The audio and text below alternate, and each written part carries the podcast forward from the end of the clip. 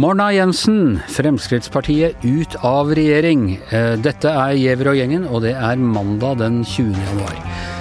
Eh, Tone Sofie Aglen og Hanne Skartveit, dere kommer rett fra hver deres pressekonferanse. Henholdsvis eh, Fremskrittspartiet med finansminister Siv Jensen og statsminister Erna Solberg på, på statsministerens kontor. Og eh, først til deg, Tone Sofie. Hva er det egentlig Hvorfor skjer dette nå? Nei, jeg tror nok at uh, det her handler om en uh, situasjon som har kommet ut av kontroll. For jeg tror ikke at Frp hadde noe ønske om å gå ut av uh, regjering på denne saken. Og når jeg sier Frp, så mener jeg på en måte Siv Jensen og, og kretsen rundt henne. Det har jo vært en indre opposisjon som har vært for å gå ut av regjering hele tida, men jeg tror rett og slett at de undervurderte reaksjonene i saken. Saken fikk sin egen dynamikk. Det kom helt uh, galt ut med disse kravlistene, som de visste at de uh, ikke ville lykkes med å få innfridd noe, noe som ville gjøre det verdt å komme tilbake og si vi vant nok en seier og fortsetter i den spennende regjeringa. Derfor så tror jeg på en måte at denne saken har fått sin egen dynamikk og endte med at Frp gikk ut. Ja, hva skjedde med denne kravlisten? Forrige uke skulle det komme en kravliste, og nå har den liksom bare poff blitt borte. Ja, den eh, skulle jo egentlig leveres til Erna Solberg eh, torsdag kveld. Jeg tror nok at den her kom litt sånn uh, uh, Funnet på litt fort for å på en måte stagge reaksjonene. Så, så, hadde man jo litt lite kontroll på det, for da så du jo Frp i hele landet kasta seg jo på som en slags tombola med alle mulige saker. Det var alt fra vindmøller og bompenger til pelsdyr og jeg vet ikke hva, som havna på en lista som ja. har ingenting med terrorbekjempelse eller innvandring å gjøre.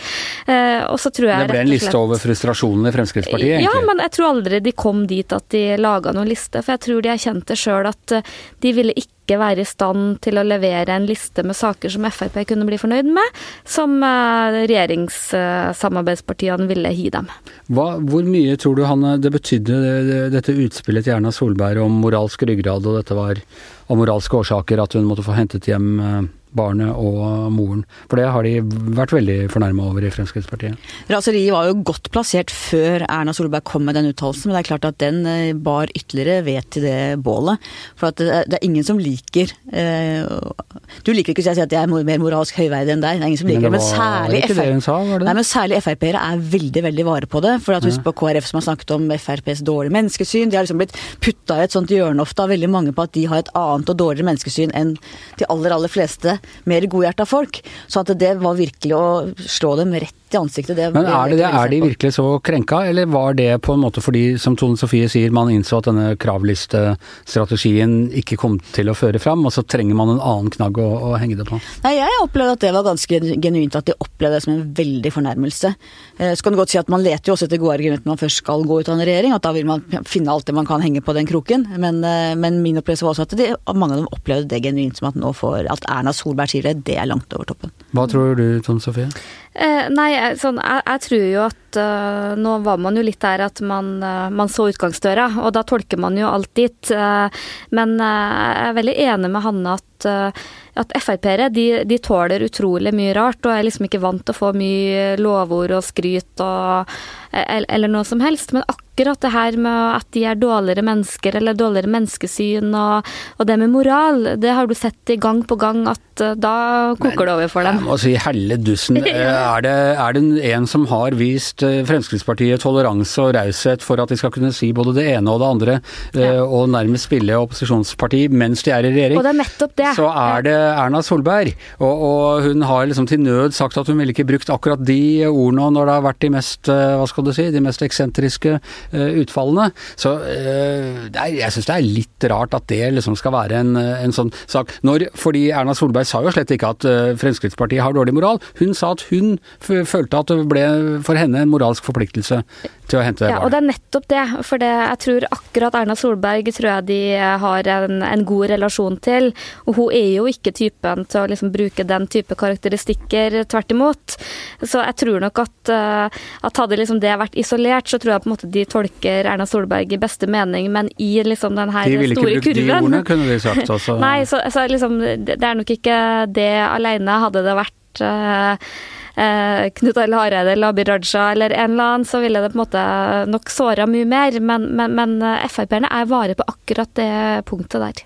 Og Hanne, du var da hos um, statsministeren. Uh, vi har jo sett det på TV, men hvordan, hvor fortvilet og nedbrutt er hun?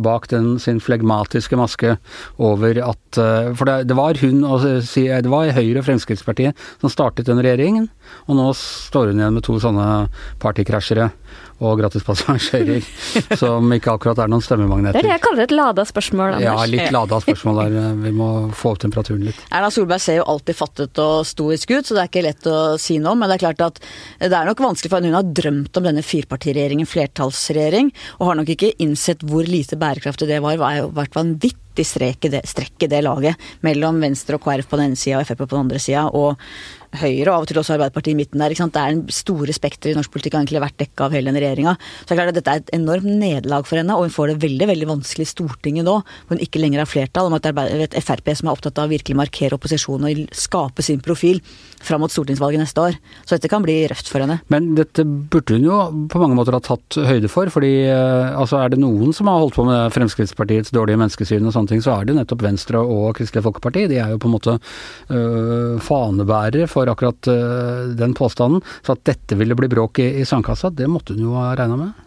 Jeg tror hun regna med at det skulle bli bråk, og det hadde nok Siv Jensen gjort òg. Men jeg tror de begge, og særlig Siv Jensen, tror jeg regner med at det var nok at de tok dissens i regjeringen på denne saken. At de gjorde veldig tydelig at vi er uenige, vi står ikke bak denne beslutningen, vi tar dissens. Som betyr at du rett og slett da sier at dette, er, dette tar jeg avstand fra. De trodde det var nok.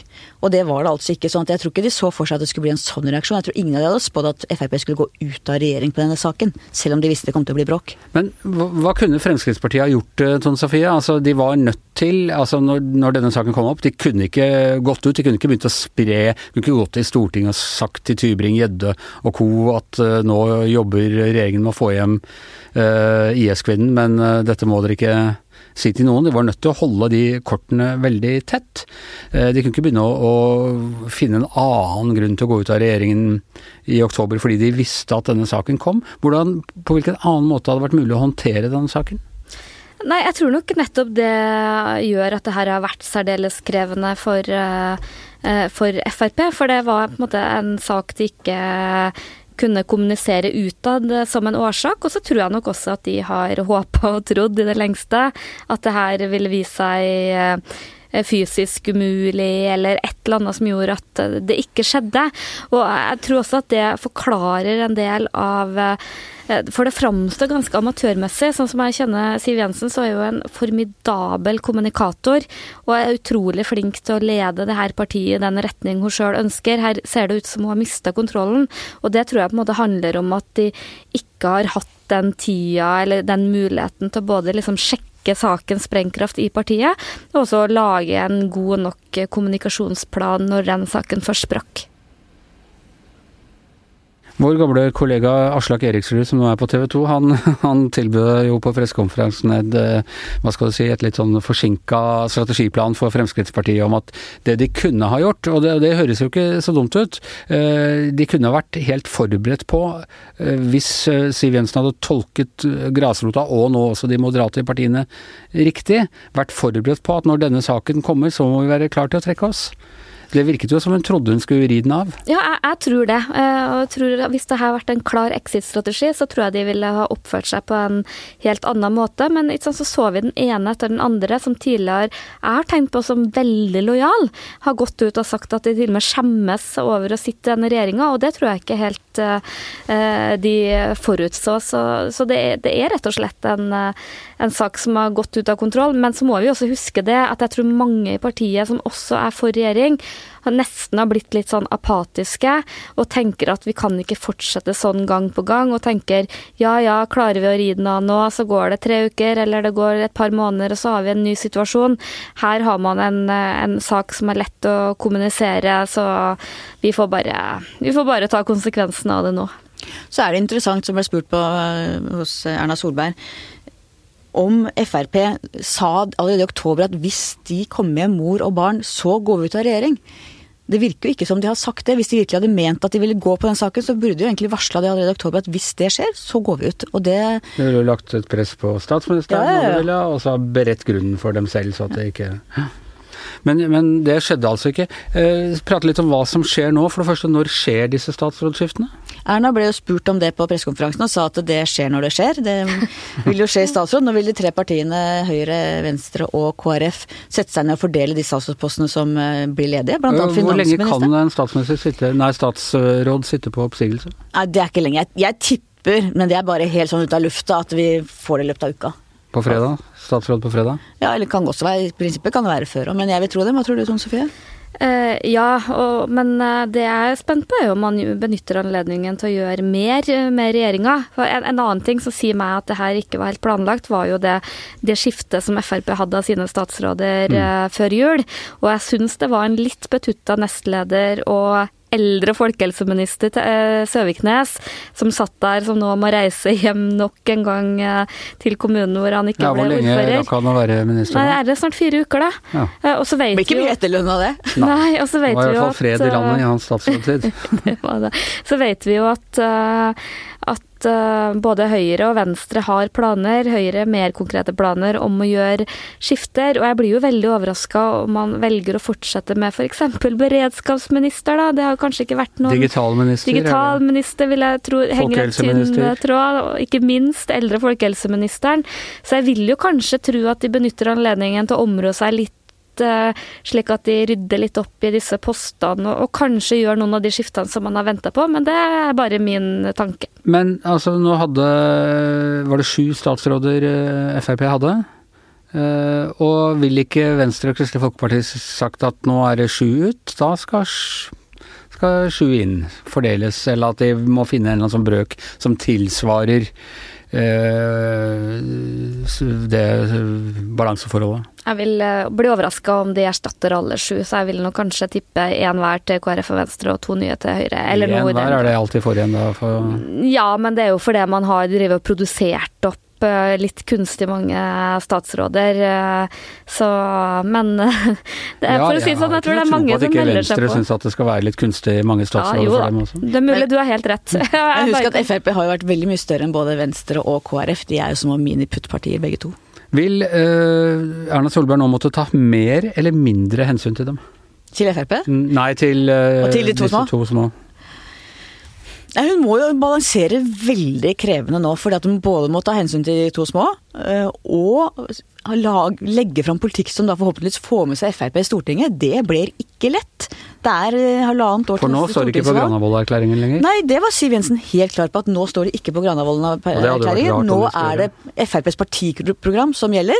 De blir ganske vanskelig å forholde seg til, også for at det er sterke krefter i Frp som i hvert fall ikke vil stå og logre for regjeringa nå. Med Venstre og KrF i. Oi. Hva, men altså, jeg vet ikke hvor, hvor eh, kyniske de vil være der. Nå var jo Siv Jensen, og det har jo vært åpenbart, hun har hatt en god kjemi med Erna Solberg og vice versa. De har stor respekt for hverandre, de to, og de har gjennomført en historisk uh, regjering. Men likevel, hvis du bare tenker kynisk på det, er, hadde det ikke vært bedre for Frp nå rent taktisk å få Arbeiderpartiet i regjering og drive opposisjonen mot dem uh, fram mot neste valg? Og igjen da, kunne det ikke da være fristende å bare finne en hvilken som helst sak å, å felle regjeringen på? Altså Frp har jo gjort det før med Carl I. Hagen, da de kasta Willoch-regjeringen på bensinavgiften og satte inn en Arbeiderparti-regjering. Så at det er jo ikke nytt i FrPs historie. Jeg Det ble kalt statsmannskunst den gangen. Ja. det er klart det er ikke Siv Jensen sin eh, stil, men eh, for Frp isolert sett det har vært mye gøyere for dem å kjøre valgkamp mot Jonas Gahr Støre enn mot Erna Solberg. Men samtidig er det vanskelig for dem å kaste Erna Solberg til fordel for Jonas Gahr Støre, så det er en avveining de må ta, da. Hva tror du sånn, Sofie?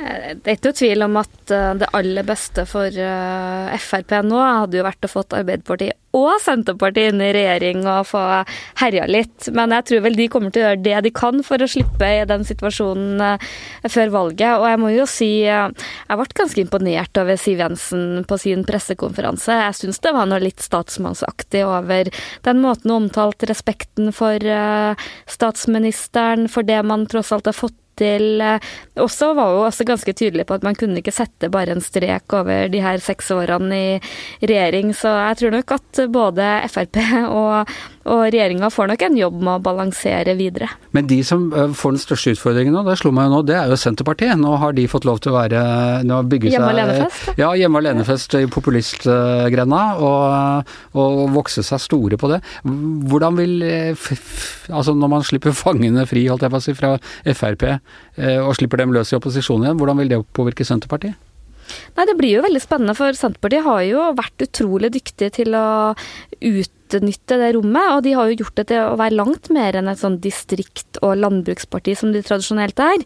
De har jo på en måte grepet alt av sånne protestsaker, om det er DAB og det er diesel og det er alt mellom himmel og jord, til og med vindmøller. Så jeg tror nok de kommer til å få konkurranse der. Og jeg vet det har klødd i fingrene til mange i Frp om å gå ut og, og yppe der, men samtidig så er det jo ikke noe quick fix, for eh, Fremskrittspartiet har nå tross alt sittet og styrt dette landet i ganske mange år. Men, men de er flinke til å snu på femøringen, de òg. Så du tror Senterpartiet vil lide under dette? Jeg tror i hvert fall de vil få mer eh, konkurranse eh, om en del av velgersegmentet. Det blir spennende å se. Blir Siv sittende som partileder? Det er jo det alle spør seg om nå. Hun er jo hun har vært veldig glad i dette regjeringsprosjektet. Hun er jo på en måte Veldig glad i Finansdepartementet? Veldig glad i Finansdepartementet, og har jo på en måte hun er den som brakte Frp inn til som et ansvarlig regjeringsparti. Hun har elska jobben sin hun er nok bedre posisjonspolitiker enn opposisjonspolitiker, så jeg personlig tviler på om hun vil bruke, gå veldig veldig lenge som opposisjonsleder. om hun kanskje vil finne på noe Blir det noe krav i partiet nå med det første om å kaste henne? Det tror jeg ikke. Jeg tror hun står så støtt i partiet at det kravet kommer ikke. Men uh, i hvert fall ikke i første omgang. Har du noe dissens der?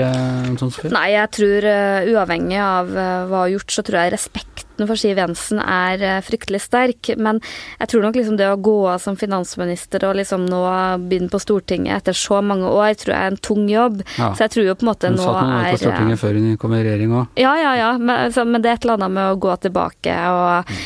Så jeg tror nok at det er nå liksom, den virkelige kampen om neste generasjon i Frp vil, vil komme. Og, og den, den kommer nok eh, litt for tidlig, for eh, hennes to kronprinser, som er Kjetil Solvik-Olsen og Jon Georg Dale, ingen av dem er liksom Nei. helt beredt nå. Ingen av dem sto bak henne på pressekonferansen? Nei, Solvik-Olsen er jo fortsatt USA, har ingen sentrale verv og eh, hva, ville på en måte manøvrere seg inn, mens Jon Georg Dale er veldig populær i en del av partiet, men han har jo ikke rukket å bli liksom, få den grasrotkontakten. Så hvis det hadde blitt et eller annet nå, så tror jeg nok at det er Sylvi Listhaug som ville trukket det lengste strået i partiet, og det er nok ganske mange som også er litt skeptiske til. Men nå gikk dette som det gikk, hvis jeg skjønner det riktig, fordi også de moderate i eh, partiet og de liksom, folk i stortingsgruppa som alltid har vært gode til å forsvare regjeringen og, og sånn, gikk ut og som du sa var øh, i opprør over, over, dette. Hvordan er styrkeforholdet i partiet mellom denne moderate fløyen, regjeringsbyggerne på en måte, og øh, de mer radikale kreftene? I hvert fall i stortingsgruppa så har du jo på en måte hatt en, en ganske liten, men høyrøsta eh, opposisjon på høyresida, som vi kjenner ganske godt, som Christian Tybring-Gjedde, Per-Willy Amundsen, et par til, som, eh, som, har vært veldig kritisk hele veien. Og så har du på en måte det som jeg kaller litt sånn unge liberale, som er veldig posisjonert på den andre sida, som kanskje er sånn fem stykker eller noe sånt. Og så har du en hel haug som er litt sånn, litt sånn moderate, eller ikke moderate, men som er litt sånn i midten av Men jeg tror nok i grasrota så er det nok uh, den, den høyresida i Frp kanskje har en større appell enn i det sentrale tillitsvalgtapparatet, tror jeg, da. Men og så er spørsmålet om balansen nå er bikka, ikke sant. Om, mens det var veldig, veldig bred oppslutning om Eh, om regjeringssamarbeidet i partiorganisasjonen eh, og i sentralapparatet, så ser vi jo da, som vi har vært inne på, at flere av de som var veldig lojale den veien, har nå ønsket å gå ut. sånn at spørsmålet er i hvilken grad den balansen er bikket også internt i partiet. Ja. Så må vi huske, sant? Nå har jo de vært i regjering. Det gjør jo noen ting med lojaliteten. Det er veldig mange folk som har hatt eh, sitt daglige virke knytta til regjeringa, som nå forsvinner ut, enten til Stortinget eller tilbake rundt omkring i landet. Og, og det er jo alltid en sånn driver for lojalitet i et parti som sitter i regjering. Helt til slutt, eh, Arbeiderpartiet. Eh, er Jonas eh, klar for å overta nå?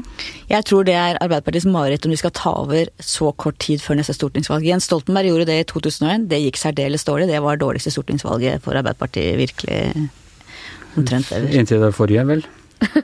ja, nei, Stortingsvalget var vel dårligere i 2001. Så vidt jeg husker nå. med jeg Men det kan bli enda dårligere. Det kan bli Ja, det kan det, er enda som, dårligere. det er som han i NKP sa i 1985. Jo da, vi kan bli mye mindre.